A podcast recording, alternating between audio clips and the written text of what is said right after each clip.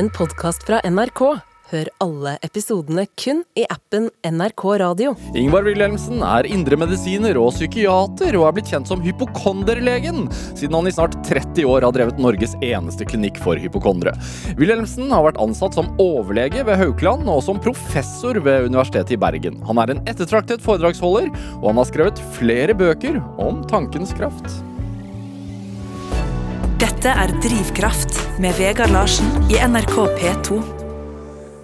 Ingvar Wilhelmsen, velkommen til Drivkraft. Takk for det. Hvordan har du det? Jeg har det fint. Du vet, Jeg har jo en sånn holdning at uh, jeg tar glede på forskudd. Og jeg, jeg, vet jo at du er en god intervjuer, god samtalepartner, så jeg har valgt å tro at dette skal bli en interessant og lærerik og fin time. Takk for komplimentet, holdt jeg på å si. Det, det, det, er hyggelig at du sier så får vi får se, da. Ja, vi får håpe. Ja, uh, du er jo i Oslo nå, du, du bor jo i Bergen. Ja. Eh, men du er i Oslo for å holde eh, et av foredragene dine. Du mm -hmm. reiser jo rundt i landet og holder foredrag. Mm -hmm. eh, sjef i eget liv eh, heter dette foredraget. Mm -hmm. Hva ligger i den tittelen? Det ligger i det at uh, hvis ikke vi er sjef i vårt eget liv, hvem skal da være det? Det er alltid noen som prøver seg. Men vi er jo oss sjøl nærmest, på en måte. Det skal vi være. Mm. Og det, er, det meste i livet er ukontrollerbart. Det er jo sånt aksiom, det mener jeg virkelig sterkt.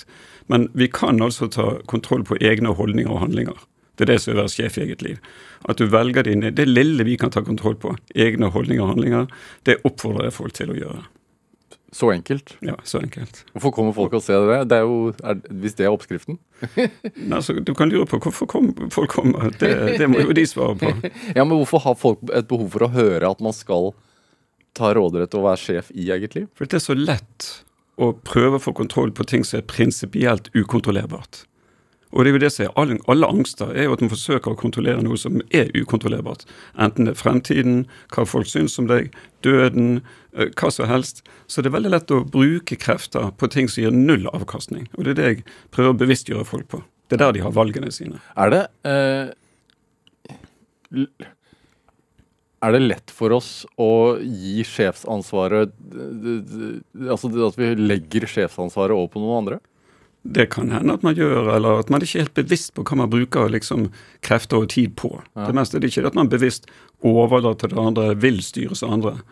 Men man velger seg altså ting som man prøver å få kontroll på, som ikke lykkes, og, og som ikke kan lykkes. Og det blir jo et slit. Ja.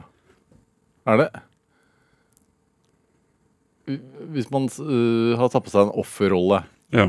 er, er, man da sjef i eget liv? Nei. Da, da er du hjelpeløs og kjørt opp i et hjørne. ja. Og man kan jo ha opplevd forferdelige ting. Sånn at det er naturlig faktisk å komme innom selvmedlidenhet, bitterhet, i en periode. Mm. Men det er ikke et sted å bli værende. For da har du fått et tilleggsproblem. I tillegg til det opprinnelige traumet, så har du en byrde du bærer med deg, som er tyngre enn den behøver å være. Offerrollen er jo veldig lite sånn engasjerende og oppmuntrende og livgivende. Mm. Og hvis du er i den posisjonen at du skal date, f.eks., så tror jeg ikke det er noe sånn veldig sjekketriks å fortelle at det er egentlig veldig bitter og, og i en offerrolle, bare sånn at du vet det. altså, du, du, skrev en, eh, en, bok eh, for noen år siden eh, som, som, heter 'Det er ikke mer synd på deg enn andre'. Ja. Eh, som handler om en pasient du har samtale med. Mm -hmm. En pasient med psykiske problemer. Eh, som har hatt en ganske tøff oppvekst. Mm -hmm. Som eh, ser på seg selv som et offer. Ja. Eh, og du sier jo dette til henne. Eh, det er ikke mer synd på deg enn andre. Ja, ja. Blant annet. Det er brutalt. Ja, det er akkurat den litt brutalt. Det er ikke det første jeg sier til henne. For først måtte jo hun hun erkjente faktisk at hun var i offerrollen. Det er ikke alle som gjør det. Nei. Men hun erkjente at Er det en, er det en terskel å, å, å komme ja, over i utgangspunktet? Ja, de må erkjenne at de er i offerrollen. Og for hun, hun, sa det åpent, hun har faktisk marinert seg i offerrollen. Mm. Utnyttet den maksimalt. For det er jo visse fordeler med en offerrolle. Du kan skylde på andre. Du kan få lønn av staten, Nav. Uh, du slipper en del ansvar. Men samtidig er du hjelpeløs og kjørt opp et hjørne, masse terapi, mye problemer. Så hun uh, var i den offerrollen, og jeg sa til henne du kan ikke endre fortiden din. Det var den hun slet med. Opps hun, hun, oppsøkte deg? Ja, ja. ja hun var henvist. Ja. Så du kan ikke endre fortiden, men du kan om nødvendig endre holdning til den. Det var det vi jobbet med. Holdningen til fortiden. Og det der jeg sa at det ikke er mer synd på deg enn andre, det kom jo langt ut i, i andre samtaler. Og da hadde vi fått bra kontakt, men hun ble faktisk eh, veldig irritert. Ja. Det, det er ikke så mange som blir så utrolig irritert, men hun syntes den var tøff. Og kom hjem eh, til den byen hun bodde og fortalte en venninne Vet du hva Wilhelmsen sa? Hvis ikke jeg tar ansvar for livet mitt, kommer ingen andre til å gjøre det. Og da hadde venninnen sagt ja, hvem skal gjøre det da? Foreldrene? Psykiaterne? Hun hadde noen veldig vanskelige foreldre. Ja, men kan jeg det? Det er klart du kan det, sa hun. Og da var hun i gang. Ikke når hun var i Bergen, men når hun kom tilbake og begynte å se på den offerrollen. Ja. Og gikk faktisk ut av den. Men det var jo en lang prosess. Ja, hvor lang? Det tok noen år før hun var helt ute av den. Så et par år etter hun hadde vært hos meg, da skrev hun en e-post. Og fra at hun var i begynnelsen veldig sånn eh, irritert og oppgitt og syntes det var for konfronterende, Ja. så var hun evig takknemlig. Skulle ønske at hun hadde møtt den typen samtale tidligere. Hva slags menneske var det som tok kontakt med deg? Hva var det som Altså Hun var jo henvist fra fastlegen. Ja. Alle blir henvist fra fastlege eller psykolog. Så for å komme på sånn hypokonderklinikk, så må du være hypokonder, selvfølgelig, ha ekstrem helseangst. Og så må du ha vært i terapi der du bor, uten å bli bra. Og så, og så kommer de til deg som en slags ja. siste Ja, De pleide å komme til meg, men nå kommer de fra hele landet. Sånn at I gamle dager så kom de til Bergen, altså før, før pandemien. Men så kom jo pandemien. Vi begynte med helsenett, videokonsultasjoner. Så nå for tiden så er det videokonsultasjoner veldig mye, unntatt de som bor i nærheten av Bergen. De kommer på kontoret på sykehuset, på Haraldsplass, diakonale sykehus. Mens eh, de fleste er på helsenett. Hva skal til for å bli henvist? Nei, det er akkurat det jeg sa, at du må være hypokonder, og du må ha vært i terapi der du bor, uten å bli bra. Ja. Men det er jo ikke en sånn full stilling, dette her. Altså, Jeg har jo vært undervist på universitetet i et par og 20 år, hatt full stilling der i indremedisin. Så det har vært en 20% stilling. Men nå er jeg jo pensjonist, sant, og 73 år. Og, men jeg har fortsatt en 20% stilling med hypokonderne. Ja. Hva, hva er en hypokonder egentlig? En hypokonder er en pasient med ekstrem helseangst. Ja. De prøver å få kontroll på, på Det er en av to ting de prøver å få kontroll på. Enten det er prosjektet å ikke bli handikappet. Kan ikke tenke seg å miste fysisk funksjon. Og da holder de gjerne på med ALS eller MS eller nevrologi. Men vanligvis er det døden. De vil ikke dø nå. Og da er det hjertekreft og slag det går i. Ja. Så det er denne helseangsten vi tar tak i. Er det et øh, stabilt problem, eller er det økende, eller hvordan er Jeg tror det er ganske stabilt. Vi vet ikke sikkert, for vi har jo ikke så mange studier fra gamle dager. Men uh, i og med at det er et liv og død det handler om, så tror jeg det alltid har vært aktuelt. Og det, jeg tror ikke det passet spesielt godt å dø selv om, selv om det var i, på 1800-tallet eller 1900-tallet. Så temaet er så sentralt at det tror jeg går igjen. Og det går igjen i alle kulturer.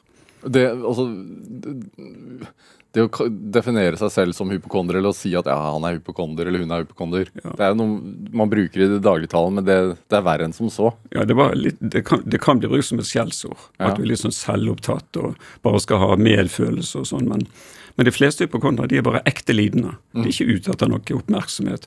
De er bare ekte livredd. Som, som gjør at man ikke fungerer optimalt. Ja, mange er i jobb. De fleste er i jobb hvis de er i posisjon til å kunne jobbe. Uh, hvis ikke de er pensjonerte eller et eller annet. Men uh, de fleste er- klarer seg i hverdagen. Det er litt distraksjon å kunne gå på en jobb fra all bekymringen og alt du holder på med ellers. Så de, Men de lider jo. Altså, De går jo hele tiden og bruker veldig mye tid på bekymring. Mm. hvor, hvor redde er de? Nei, De er så redde at det, det plager de veldig. Og det går utover eh, livskvaliteten, det går utover humøret. De kan eh, bli deprimerte hvis de holder på veldig lenge. Men det går jo med angsten. Ja. Så de kan bli trøtt, de kan bli utslitt. For angsten er jo en venn i nøden. Sånn at vi kan identifisere en fare, aktivere stresshormoner, binyrene, adrenalinpumpen. Det er jo en flott sak hvis du er i ekte fare. Helt livreddende. Men det å gå med binyrene påskrudd, det er det som er så utrolig Gå med binordene påskrudd? Binyrene påskrudd. Altså ad- adrenalinpumpen. Ja. Gå med den påskrudd. Det er trøttende greier.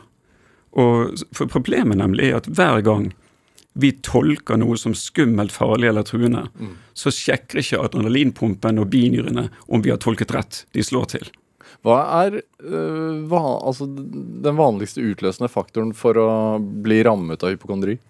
Det kan være så mye. Det er veldig forskjellig. Ja. Noen lærer det hjemme At her er verden veldig utrygg, her må du bare passe på å lytte til kroppens signaler og følge med. Noen får det kanskje Arvelig, rett og slett. Hva sa du? Ja, Nærmest arvelig, da. Ja, på en måte sosial arv. Ja. Og så Noen får barn, f.eks. Da passer det ekstremt dårlig å dø. Eller du er akkurat ferdig med utdannelsen, skal ikke du få bruke den. Og så, eller det kan være noe som skjer rundt deg. En, eh, et ungt menneske blir syk og dør. Så tenker du da kan jo jeg òg dø. Sånn at man for første gang kanskje blir, må komme til rette med dette, eh, som er da et faktum at en gang skal vi alle dø. Mm. Og vi aner ikke når eller hvordan. Er det terapien? Ja, det blir bevisstgjort på at er du, Et av de standardspørsmålene er jo Skal du være villig til å være dødelig? Med andre ord, skal du erkjenne og akseptere at døden får du ikke kontroll på, så lenge du ikke vet hva du skal dø av? For det er jo et spørsmål som de fleste har vært innom og kommet til rette med, men ikke hypokonderne. Nei. Hvordan begynner du Hvordan er hos deg, hvis man blir henvist til deg, hvordan er, hvordan er, er en normal eller en vanlig konsultasjon hos deg? Den er ganske øh, strukturert i og for seg, for de har jo vært i terapi før. Ja. Sånn at de har bearbeidet det meste. De har snudd ofte hver stein i livet, men har likevel ikke blitt bra. Så jeg begynner nå å spørre litt hvem det er. Så jeg sier til deg, jeg har lest henvisningen fra fastlegen. Hvem er du egentlig? Er du gift, er du skilt, har du barn, hvor mange, hvor gamle, er du i jobb, osv. Så, videre. så spør jeg som regel er det noe i ditt liv jeg bare må vite. Tema, konflikt, opplevelse, symptom som du tror har noe med dette å gjøre, som vi skal snakke om. Noe som jeg bare må vite. Kom med det med en gang, så slipper jeg å tippe.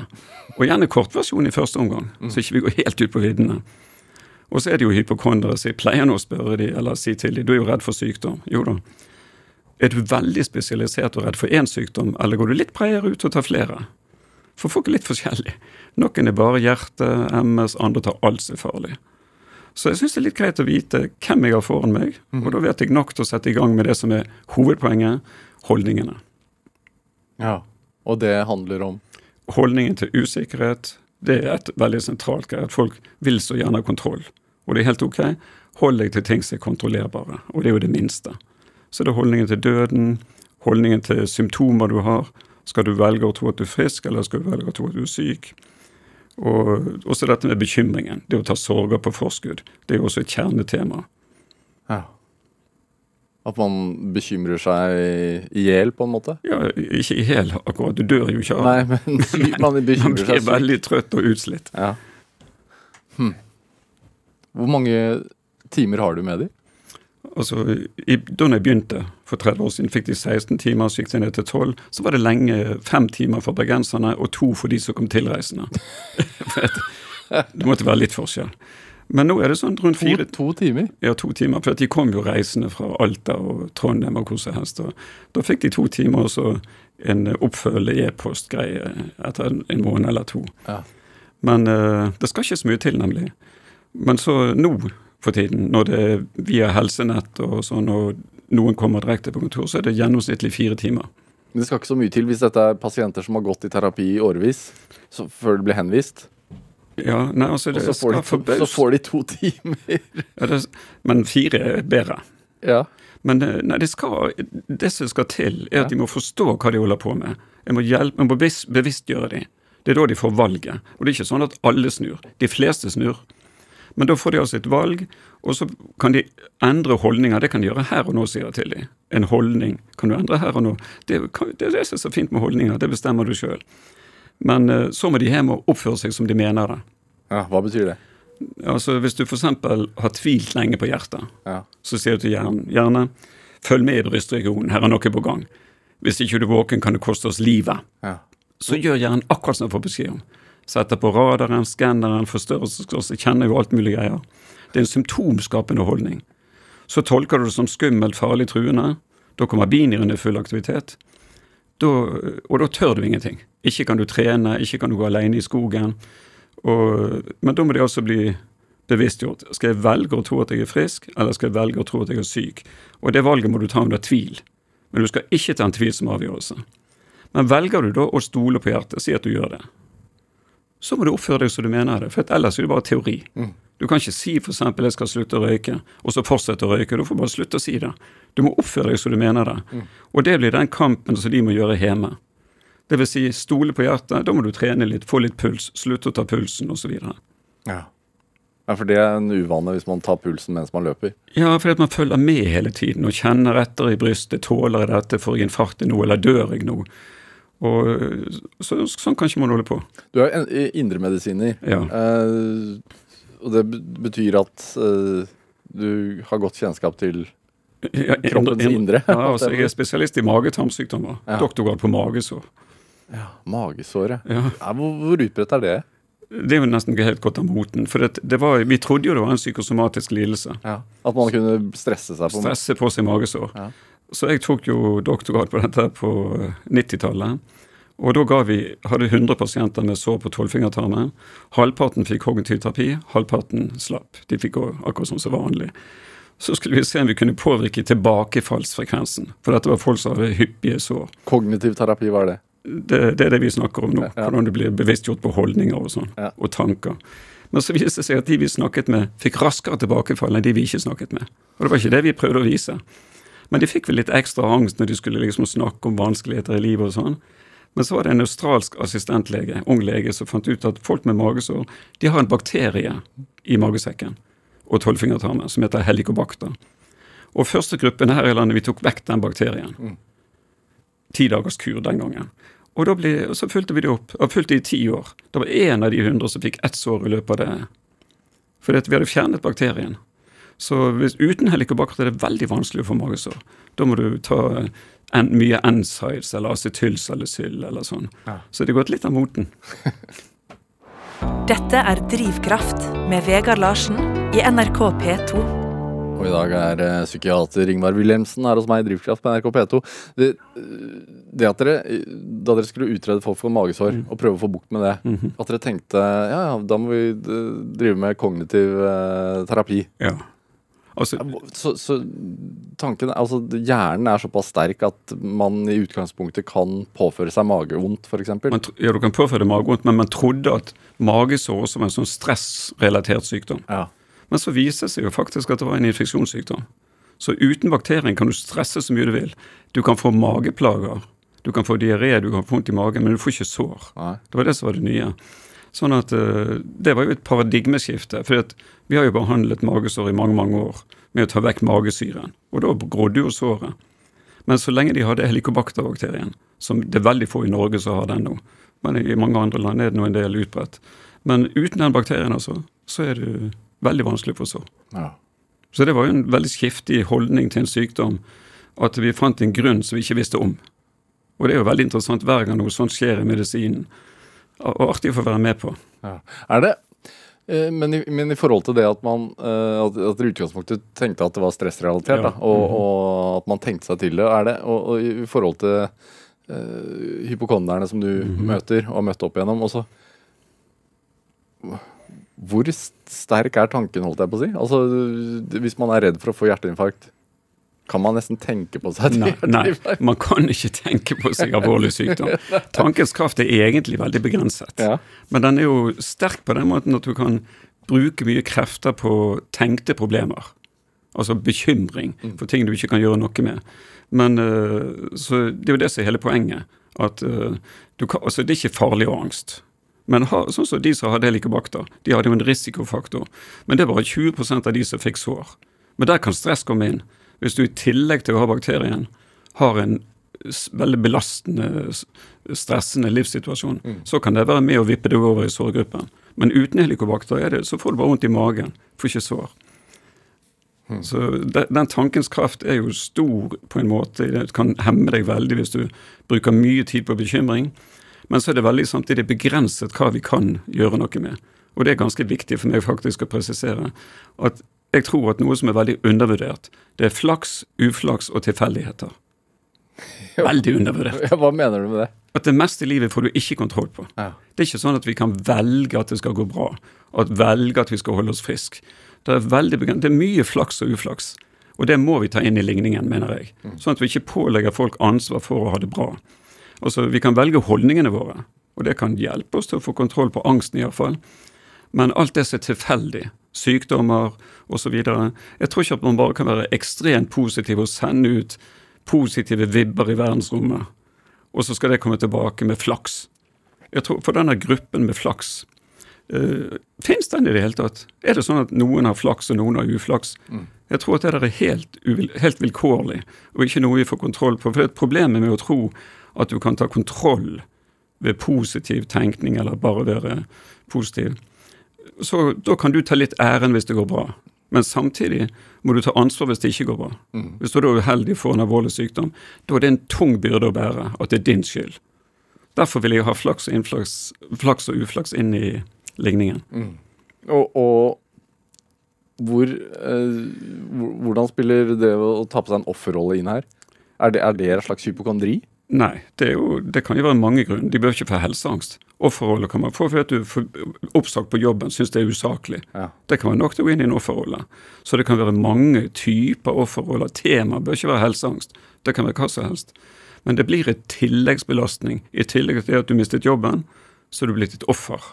Så det er de her tilleggstingene jeg, eh, jeg vil ta opp med folk. Og min erfaring er at vi takler ekte problemer bedre enn tenkte. Det er helt utrolig hva folk kan ta ekte problemer. Jeg har vært lege siden 76. Og, det, og du vet det, Grunnen er at ekte problemer de er begrenset av virkeligheten. Tid og rom og sted. Du kan ikke velge de vekk. Du må, du må begynne å mestre. Kan få hjelp, kan få støtte, kan få behandling. De tenkte problemene er verre enn de ekte. For der er det jo bare din fantasi som setter grenser. Så kommer ikke vi i gang med mestring. For de er jo ikke her. Men det også, jeg vet, vet at du også eh, er litt eh, matt av, av, eh, av krenkehysteriet. Ja, jeg er ikke så veldig opptatt av det. Det var en journalist som spurte meg Ja. en gang. Ja, jeg mener vi skal tåle en del. Ja. Altså krenkehysteri. Jeg vil ikke jeg vet ikke om jeg skal gå inn på den debatten helt, for det var bare et enkelt spørsmål. Det er ikke sånn som jeg er veldig opptatt av. Nei. Men jeg mener vi må tåle. Men det går litt på det samme. Jeg går litt på det samme. Vi må tåle livet sånn som livet faktisk er. Ja. Usikkert, og faktisk også urettferdig.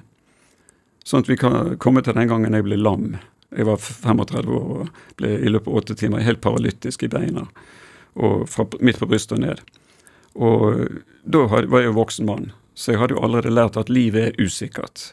Og det er ikke rettferdig. Så jeg slapp å tenke at hvorfor meg? Hvorfor hadde du lært det før dette? Nei, jeg hadde en fin oppvekst og noen gode mentorer, så jeg visste at livet var urettferdig og usikkert. Sånn at den hadde jeg inne, så jeg slapp å spørre hvorfor meg. Og, for jeg har jo truffet folk som sier at de har fått en alvorlig sykdom eller et eller annet, syns de det er så veldig urettferdig. Og da spør de å ja, har du, mener du at vi skal få som fortjent? Tenk om vi fikk som fortjent, skulle tatt seg ut! Altså, Vi hadde jo bedre enn vi fortjener, de aller fleste. Så jeg slapp å lure på hvorfor meg, for du kan like gjerne lure på hvorfor ikke meg? Men, men det at du ble lam, Ja. 35-åring, Ja, 35. Fikk, fra en dag til en annen, eller? Det tok åtte timer. Det var en lørdag. 31. april 84. Hvor var du da?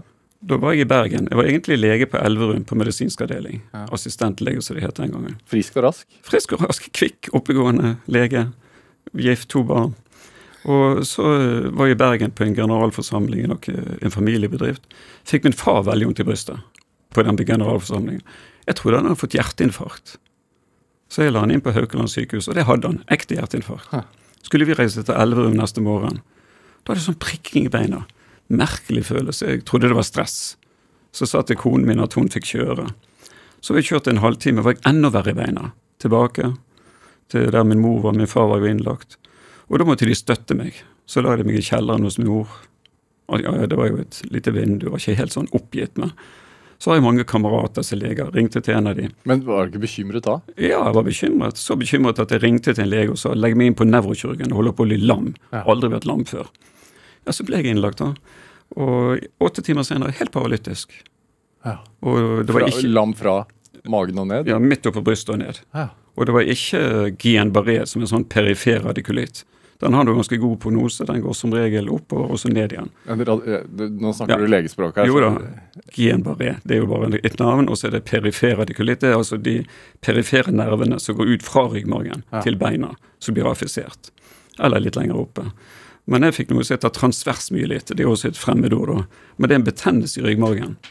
Du har en virusinfeksjon, vanlig øvre luftveisinfeksjon.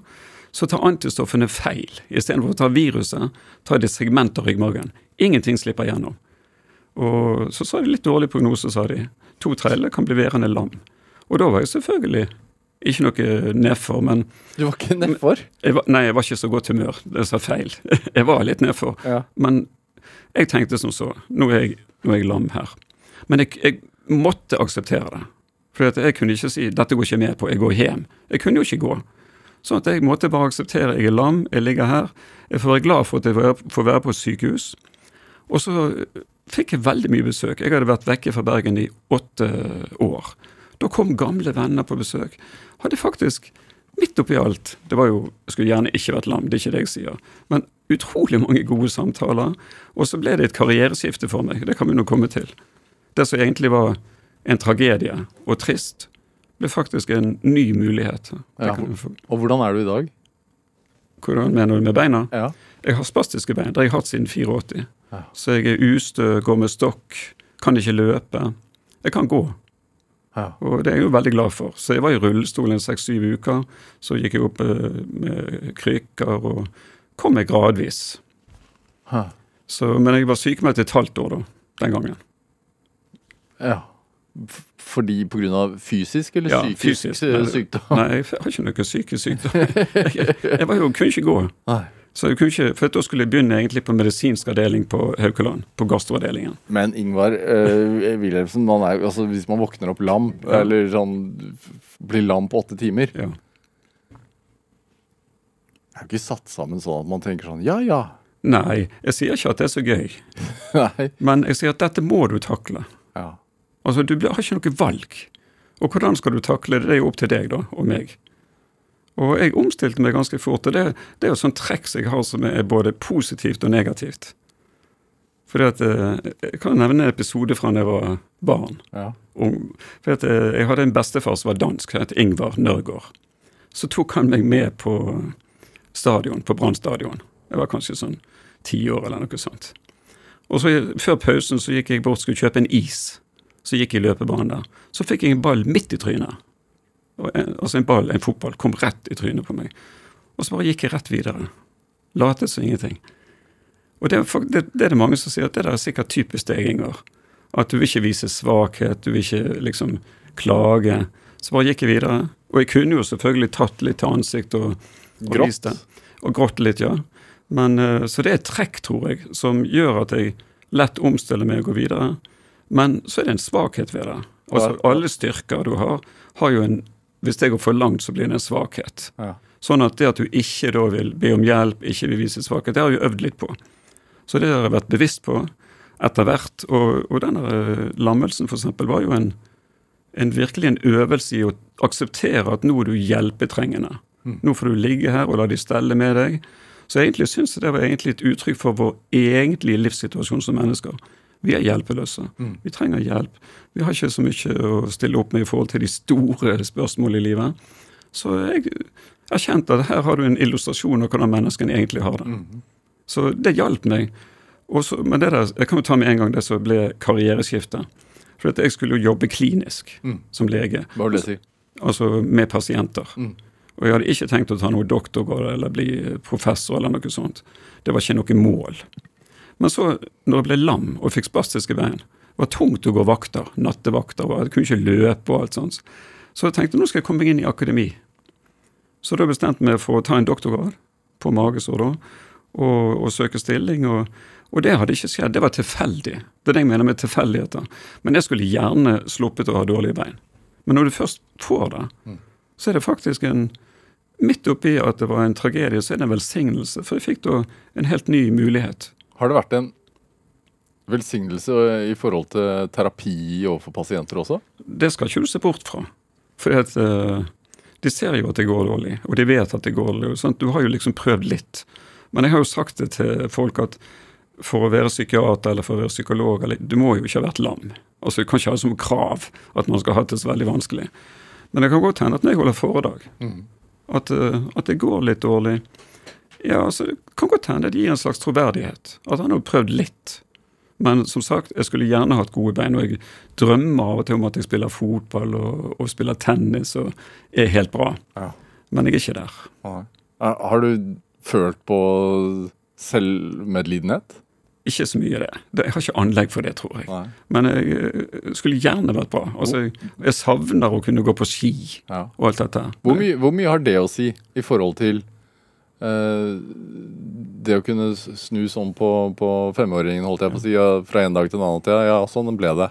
Eh, det at jeg har anlegg, det å være, ha de kjemiske forbindelsene i hjernen som gjør at Ja, ja. Jeg tror det hadde med det å gjøre at jeg hadde de holdningene på plass. Akkurat de holdningene som gjaldt omstilling til en, å være lam en stund. Ja.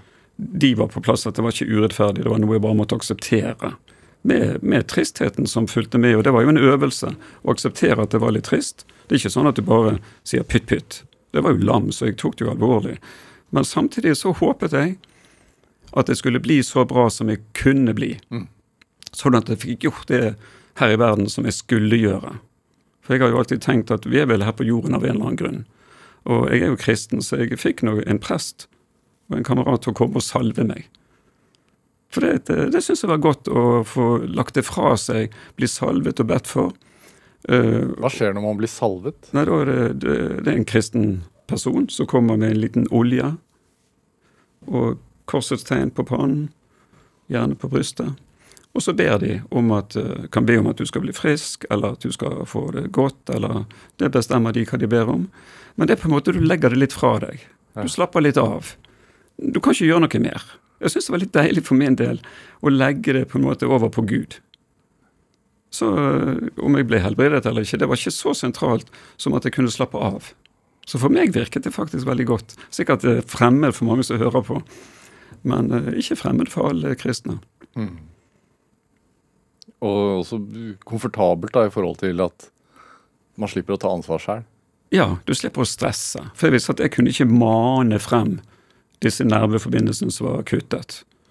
Det var, de var nå der de var, og hvis de ville vokse ut, så ville det vært kjempefint. Hadde ikke hatt noe imot det.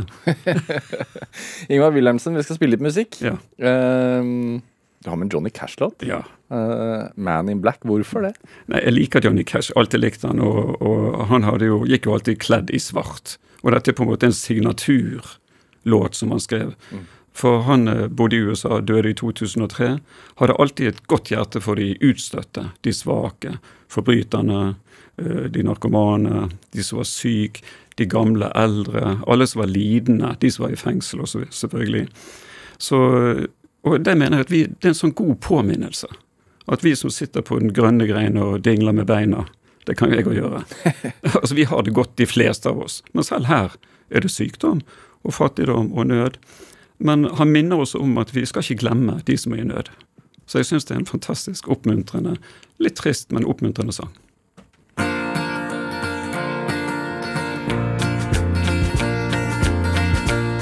Well, you wonder why I always dress in black. Why you never see bright colors on my back. And why does my appearance seem to have a somber tone? Well, there's a reason for the things that I have on. I wear the black for the poor and the beaten down. Living in the hopeless, hungry side of town. I wear it for the prisoner who has long paid for his crime, but is there because he's a victim of the time. I wear the black for those who've never read or listened to the words that Jesus said about the road to happiness through love and charity. Why you think he's talking straight to you and me? Well, we're doing mighty fine, I do suppose. In our streak of lightning cars and fancy clothes. But just so we're reminded of the ones who are held back. Up front, there ought to be a man in black. I wear it for the sick and lonely old. For the reckless ones whose bad trip left them cold. I wear the black in mourning for the lives that could have been. Each week we lose a hundred fine young men. And I wear it for the thousands who have died, believing that the Lord was on their side.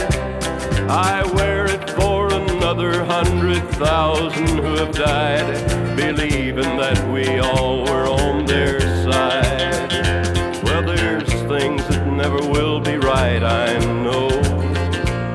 And things need changing everywhere you go. But till start to make a move to make a few things right, you'll never see me wear a suit of white. Oh, I'd love to wear a rainbow every day and tell the world that everything's okay. But I'll try to carry off a little darkness on my back till things are brighter. I'm the man in black. Ja, du fikk eh, Johnny Cash med Man in Black her i Drivkraft på NRK P2. Valgt av dagens gjest eh, her i Drivkraft, eh, nemlig psykiater, forfatter og foredragsholder Ingvar Wilhelmsen. Det vi snakket om rett før vi spilte Black, eller Man in Black av Johnny Cash, var, var det at du kjente på en sånn plikt her i livet. Til å utrette noe, eller til å gjøre noe. Ja, et kall, kaller jeg det. Ja. Altså, jeg tenker sånn at Og jeg spør folk også. Hva er din gave? Hva vil det si? Ja, hva er du best til? Hva gjør du veldig bra? Hva er du best til? Altså, Jeg fant ut at jeg var ganske god til å holde foredrag. Jeg begynte ganske tidlig å holde masse foredrag og bibeltimer og sånn. og God å formidle. Jeg var god å forenkle ganske vanskelige ting og gjøre det forståelig for folk. Sånn at jeg ser på det som et kall nærmest å være folkeopplyser. Formidler. Og derfor, og jeg mener alle mennesker har noe som i deres skal Jeg spør dem av og til hva blir ikke gjort hvis ikke du gjør det? Det kan være i familien. Uh, sant? Du, bare du kan være far til dine barn, ektefelle. Så det får du uh, ta på alvor. Uh, I en videre krets, vennekretsen. Kanskje enda større nasjonalt. Det, har du noe der som du skal bidra med? Så jeg har sett på da Hva er min gave? Jo, det er å formidle. Så det gjør jeg mye. Og så tenker jeg sånn at andre har jo andre gaver. Hvis jeg får tid til overs, kan jeg gjøre andre ting enn å formidle og skrive bøker og være far og bestefar og sånn.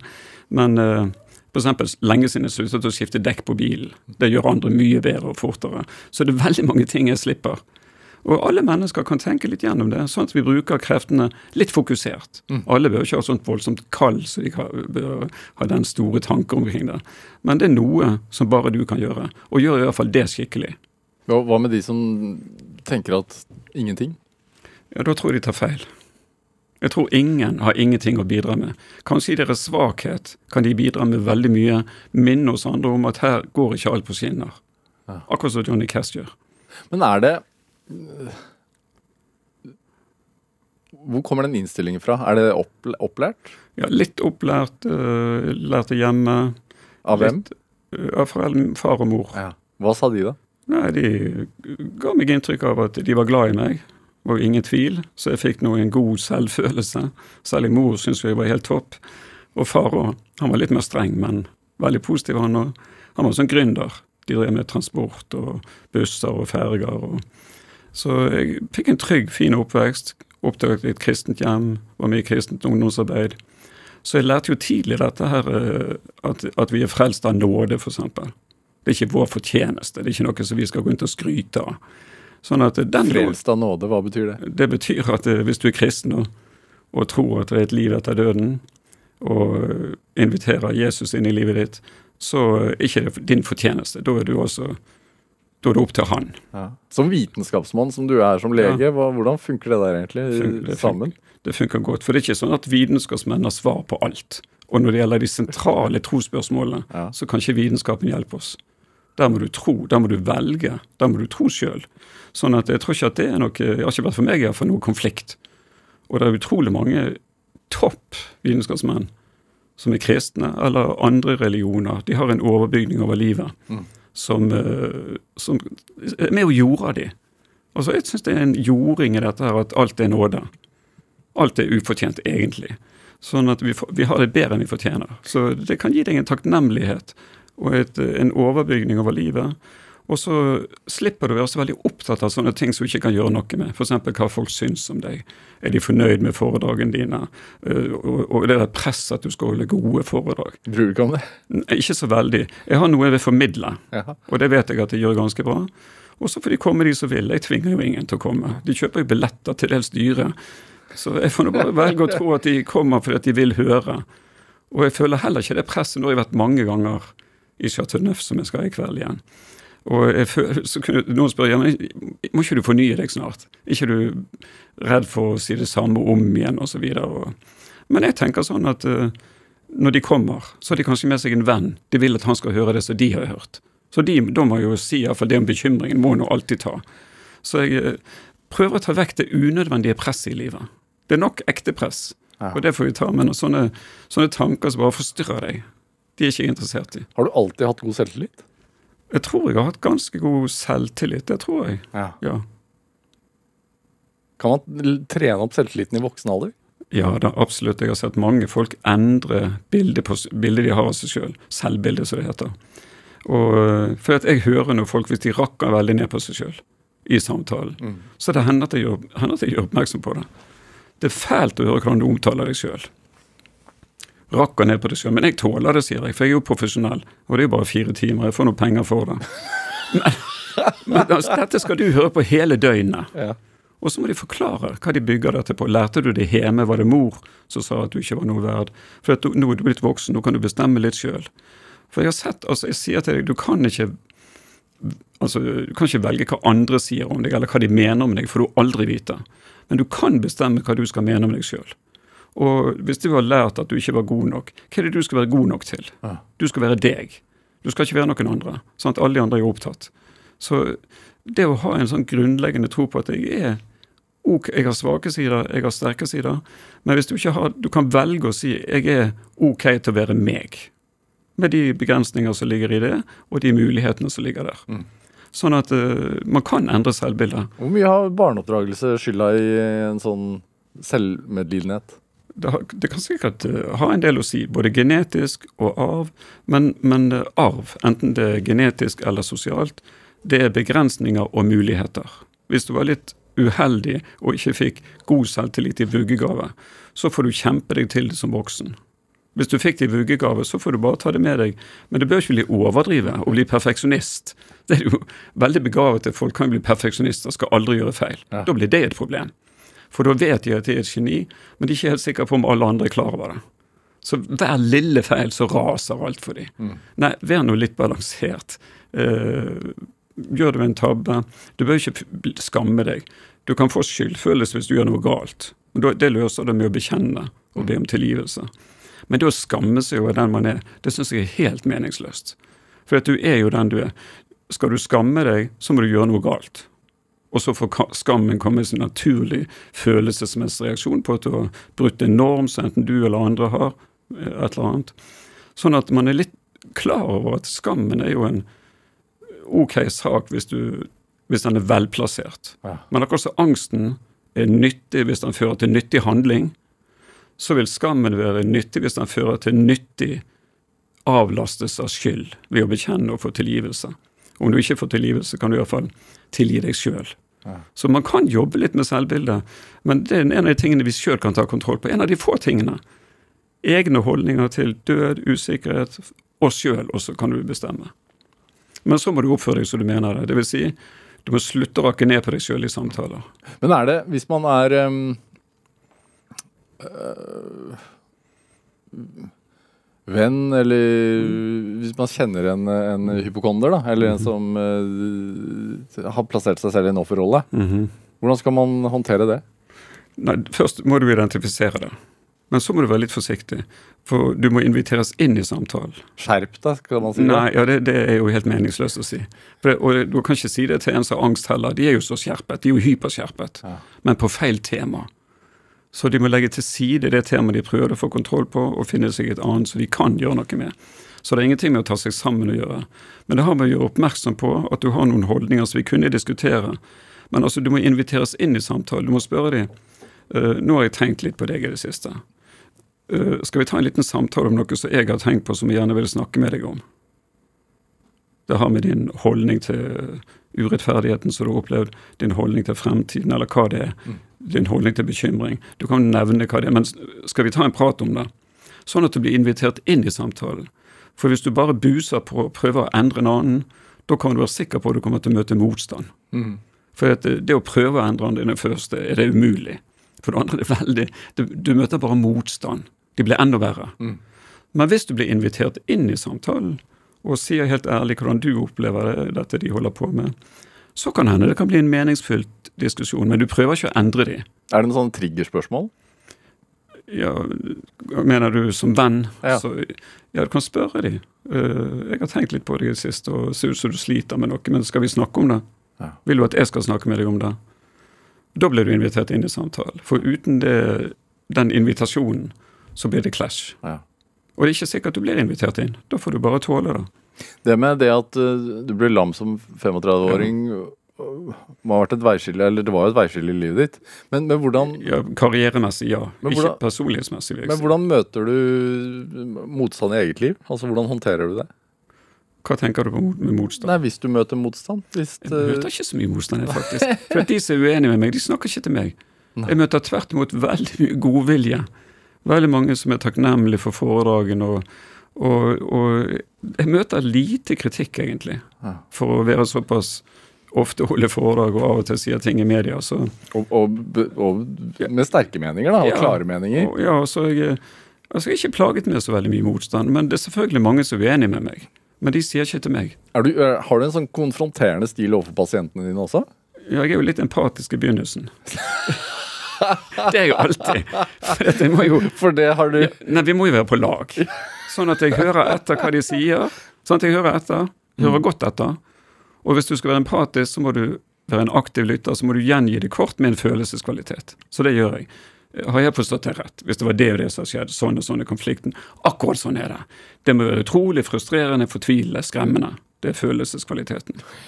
Ja, da føler de seg forstått. Ja. Men så hører jeg at de har en holdning. Jeg kan ta et eksempel på en sånn småholdning. Av og til sier folk at uh, det er så urettferdig at dette skjedde meg. Men Som for eksempel. at de blir syke, eller at de skal bli syke. Noen har jo postulert at jeg kommer til å dø tidlig av kreft, f.eks. For ja, hvorfor, hvor, da, da begynner jeg med en gang å jobbe, og det er kanskje litt konfronterende. Men jeg spør de, det er da at du hører til blant de uheldige, er det sånn jeg forstår det? Du hører til blant de som har uflaks? Ja, jeg er helt sikker på at jeg kommer til å dø av kreft. Da spør jeg, hvor, hvor fikk du den innsikten? Hvem er det som har gitt deg den innsikten der? Hvordan kan du vite noe sånt? Nei, så kommer det frem at de vet det egentlig ikke. Ja, for hvis, hvis det var sånn at du hører til blant de uheldige, da må det være en gruppe som finnes i virkeligheten. Og hvem er det som deler deg inn? Hvem er det som har bestemt at du skal høre blant de uheldige? Dette er en sånn liten holdning, da, men Ja. den kan være viktig nok. Og så må de forklare hvem som har plassert i gruppen. Det er jo helt umulig. For det er jo flaks og uflaks vi snakker om. Sånn at, Jeg skal, si, skal jeg bare si hvordan jeg ser på terapi. Ja. Jeg ser på terapi som Hvis du tenker deg, tenker deg tømmerfløting i Glomma, Ja. så renner disse her stokkene nedover. Men så kan det bli en floke, en tømmervase. Og tømmerfløterne de går ikke bak oss der og begynner med barndommen og stokk for stokk fremover til de finner ut hvor det henger. Tømmerfløtene går fremme der i vasen, og så prøver de å identifisere de stokkene dette henger på. To, tre, fire kanskje. Og så må de prøve å rikke på de. Av og til må de bombe de og bruke dynamitt. Det er konfronteringen. Så det er sånn jeg jobber. Prøver så fort jeg kan å identifisere hvor er det dette henger. Og det henger på at du hører til blant de uheldige som vet at du skal dø tidlig av kreft. Så er det veldig avlastende å akseptere. Jeg har faktisk ikke peiling. Jeg aner ikke. Gruppen fins ikke i virkeligheten. For da får du gjort noe med den ene stokken. Den andre stokken er jo dette at de ikke vil dø. Ikke være villig til å være dødelig. Og så er det dette med bekymringen. Hvor mange sorger skal du ta på forskudd av de du ikke kan gjøre noe med? Hvilke skal du ta? Altså hvor bredt skal du gå ut? Og hvorfor? er det gjerne en god grunn. For da kan jo jeg òg begynne. Men hvor, hvor vesentlig er kontrollbehov? Det er utrolig vesentlig. Og jeg anerkjenner alles kontrollbehov. Alle vil ha kontroll. Jeg også det, vil det. Men det, det eneste som er viktig, hold deg til ting som er kontrollerbare. Egne holdninger og handlinger. Aksepter livets usikkerhet. Aksepter at du er dødelig. Aksepter at det meste får du ikke kontroll på. Men hvordan du forholder deg til å bli lam, å være frisk, å bli oppsagt, og i det hele tatt usikkerheten, krigen, eh, pandemien, som var en kollektiv øvelse å tåle usikkerhet og risiko. Så jeg håper folk har benyttet anledningen. Eh, De kan vi gjøre noe med, de holdningene. Og så handler det vel så Jeg leste at du mener at det handler litt om også å velge å slippe inn de følelsene. Ja, det er jo det som jeg har øvd litt på også. Ja. Slipp inn eh, Altså, er du redd, så må du akseptere at du er redd. Ikke prøv å late som du ikke er det. Er jeg såret, så får jeg heller akseptere at jeg er såret, hvis jeg skulle bli det. Og Så vær litt obs på følelsene, men vær også litt obs på å akseptere de, men vær obs på hva som har skapt de. Er de velplassert? Er du i ekte fare, eller har du bare tolket noe som farlig? For Hvis du bare har tolket noe som farlig, da er det et tenkt problem. Da er det veldig lett å kvitte seg med. Altså Ekte problemer er jo et styr å bli kvitt.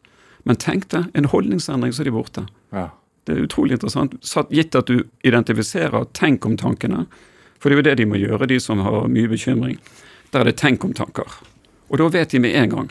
Får jeg en tenk om tanke, den kan jeg ikke finne svaret på nå. Svaret ligger i fremtiden. Så det må de identifisere og dulle mindre med. Ja. Men jeg har lyst til å si, hvis jeg får lov til å snakke litt Ja, mer kjør på.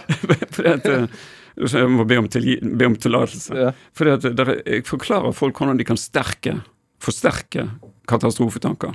Da skal du følge dem til the bitter end. Det er den sikreste metoden. Hva, hva vil det si? Det, hvis det er barneulykke, f.eks., se det for seg at du er på sykehuset. Hvis det er døden du holder på med, kan du ta Du får diagnosen, du får cellegift, du mister håret, tilbakefall. Der døde du. Altså Du kan følge en tanke til the bitter end. Da styrker du den. Da lager du et minnespor i sinnet ditt. Akkurat sitt gammelt minne, noe du husker. Så har du laget et nytt minnespor. Veldig lett å gå om igjen. Det er det ene du kan gjøre for å styrke den. Du kan handle på den, sjekke, kontrollere, ta pulsen og alt dette her. Eller prøv å bli kvitt den. Ikke tenk på det. Ikke snakk til meg om sånn. Hvordan gjør man det, da? Distraher deg. Ja. Altså, ikke snakk og gjør noe annet. Da styrker du tanken. For det er bare en tanke. Så det du kan gjøre, du kan registrere den, og så vis mindre interesse. Det er bare en hendelse i sinnet. Og det er utrolig viktig for meg at vi skiller mellom hendelser i sinnet som er tanker, og hendelser i virkeligheten som er virkelig interessant. Tanken på kreft er en tanke. Ekte kreft, det er en sykdom. Du må ikke blande det der. Behandlingen er jo veldig forskjellig, og prognosen òg.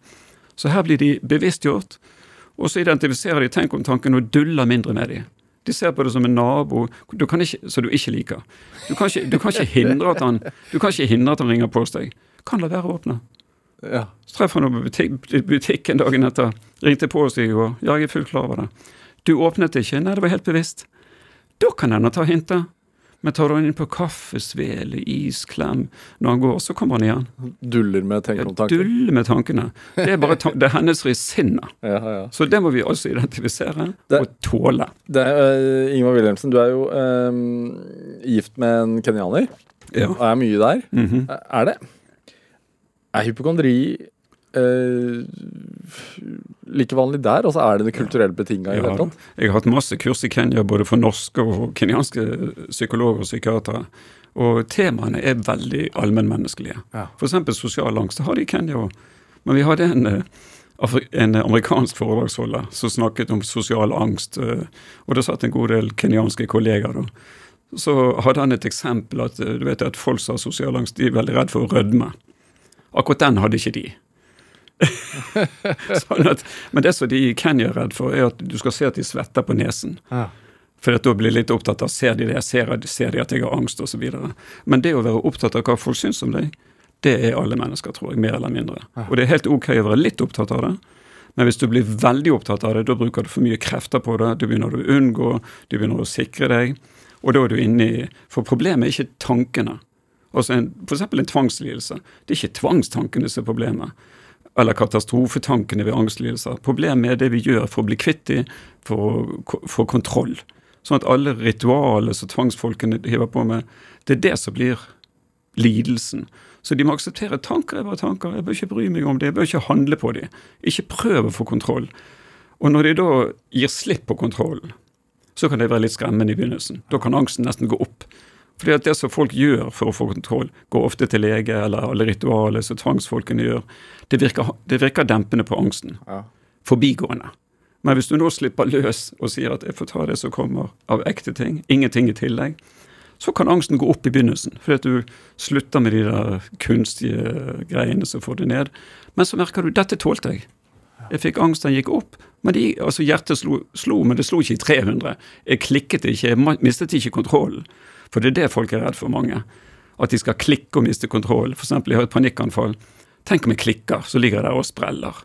Det gjør du ikke. Angsten er en venn i nøden. Det er umulig å miste kontroll under angst. For hvis man kunne miste kontroll under angst Panikkanfall er jo ganske vanlig. Da skulle folk ligge strødd rundt i samfunnet.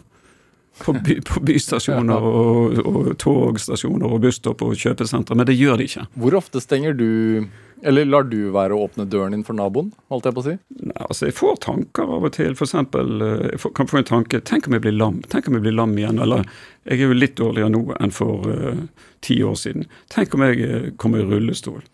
Hva skal jeg gjøre med den tanken? Jo, jeg kan trene. Jeg trener to-tre ganger i og jeg, Vi har flyttet i leilighet, meg og konen, så vi har det enklere nå enn når vi bodde i hus. Noe mer kan jeg ikke gjøre. Så jeg kan ikke dulle med den tanken. Jeg kan bare håpe at jeg holder meg på beina gå, holde mine foredrag så lenge jeg gidder, og så lenge folk vil høre. Så jeg lar ikke den tanken liksom gripe meg sånn at, jeg, blir, at jeg bruker mye krefter på den. Dødsangst, da? Ja, men jeg er ikke så redd for å dø. Det, det, det, er jeg ferdig med. Jeg er ikke redd for å dø. og Det var en journalist som spurte meg nylig. Ja, men du tror du på et liv etter døden, da? Ja, det gjør jeg. Ja, men tenk om det ikke er noe liv etter døden? Ja, da får jeg leve med det. så lett. Eh, så lett og så vanskelig. Ingvar Ja. Wilhelmsen, hva er drivkraften din? Nei, jeg tror at eh, jeg eh, Det som jeg nevnte, at jeg tror jeg er mener at jeg er god formidler. Så drivkraften er å hjelpe folk til å forstå hva de holder på med, sånn at de får et valg. Og kan velge litt mer nyttige holdninger, holdninger som hjelper deg å nå målene dine. Og det er mye viktigere for meg at holdningen er nyttig, at den er sann. Eksempel, jeg tok et fly i går fra Bergen til Oslo. Jeg visste ikke sikkert om det flyet kom til å lande trygt i Oslo. Jeg valgte å tro det. Syns det var en nyttig holdning. Ingvar Wilhelmsen, tusen takk for at du kom hit til Drivkraft. Hør flere samtaler i Drivkraft på nrk.no eller i appen NRK Radio. Send oss gjerne ris eller ros og tips til mennesker som du mener har drivkraft. Send en e-posten til drivkraft.krøllalfa.nrk.no. Vi hører veldig gjerne fra deg. Produsent og researcher i dag, det var Camilla Bolling-Muir. Men dette, dette var Drivkraft. Jeg heter eh, Vega Larsen. Vi høres. Du har hørt en podkast fra NRK. Hør alle episodene kun i appen NRK Radio.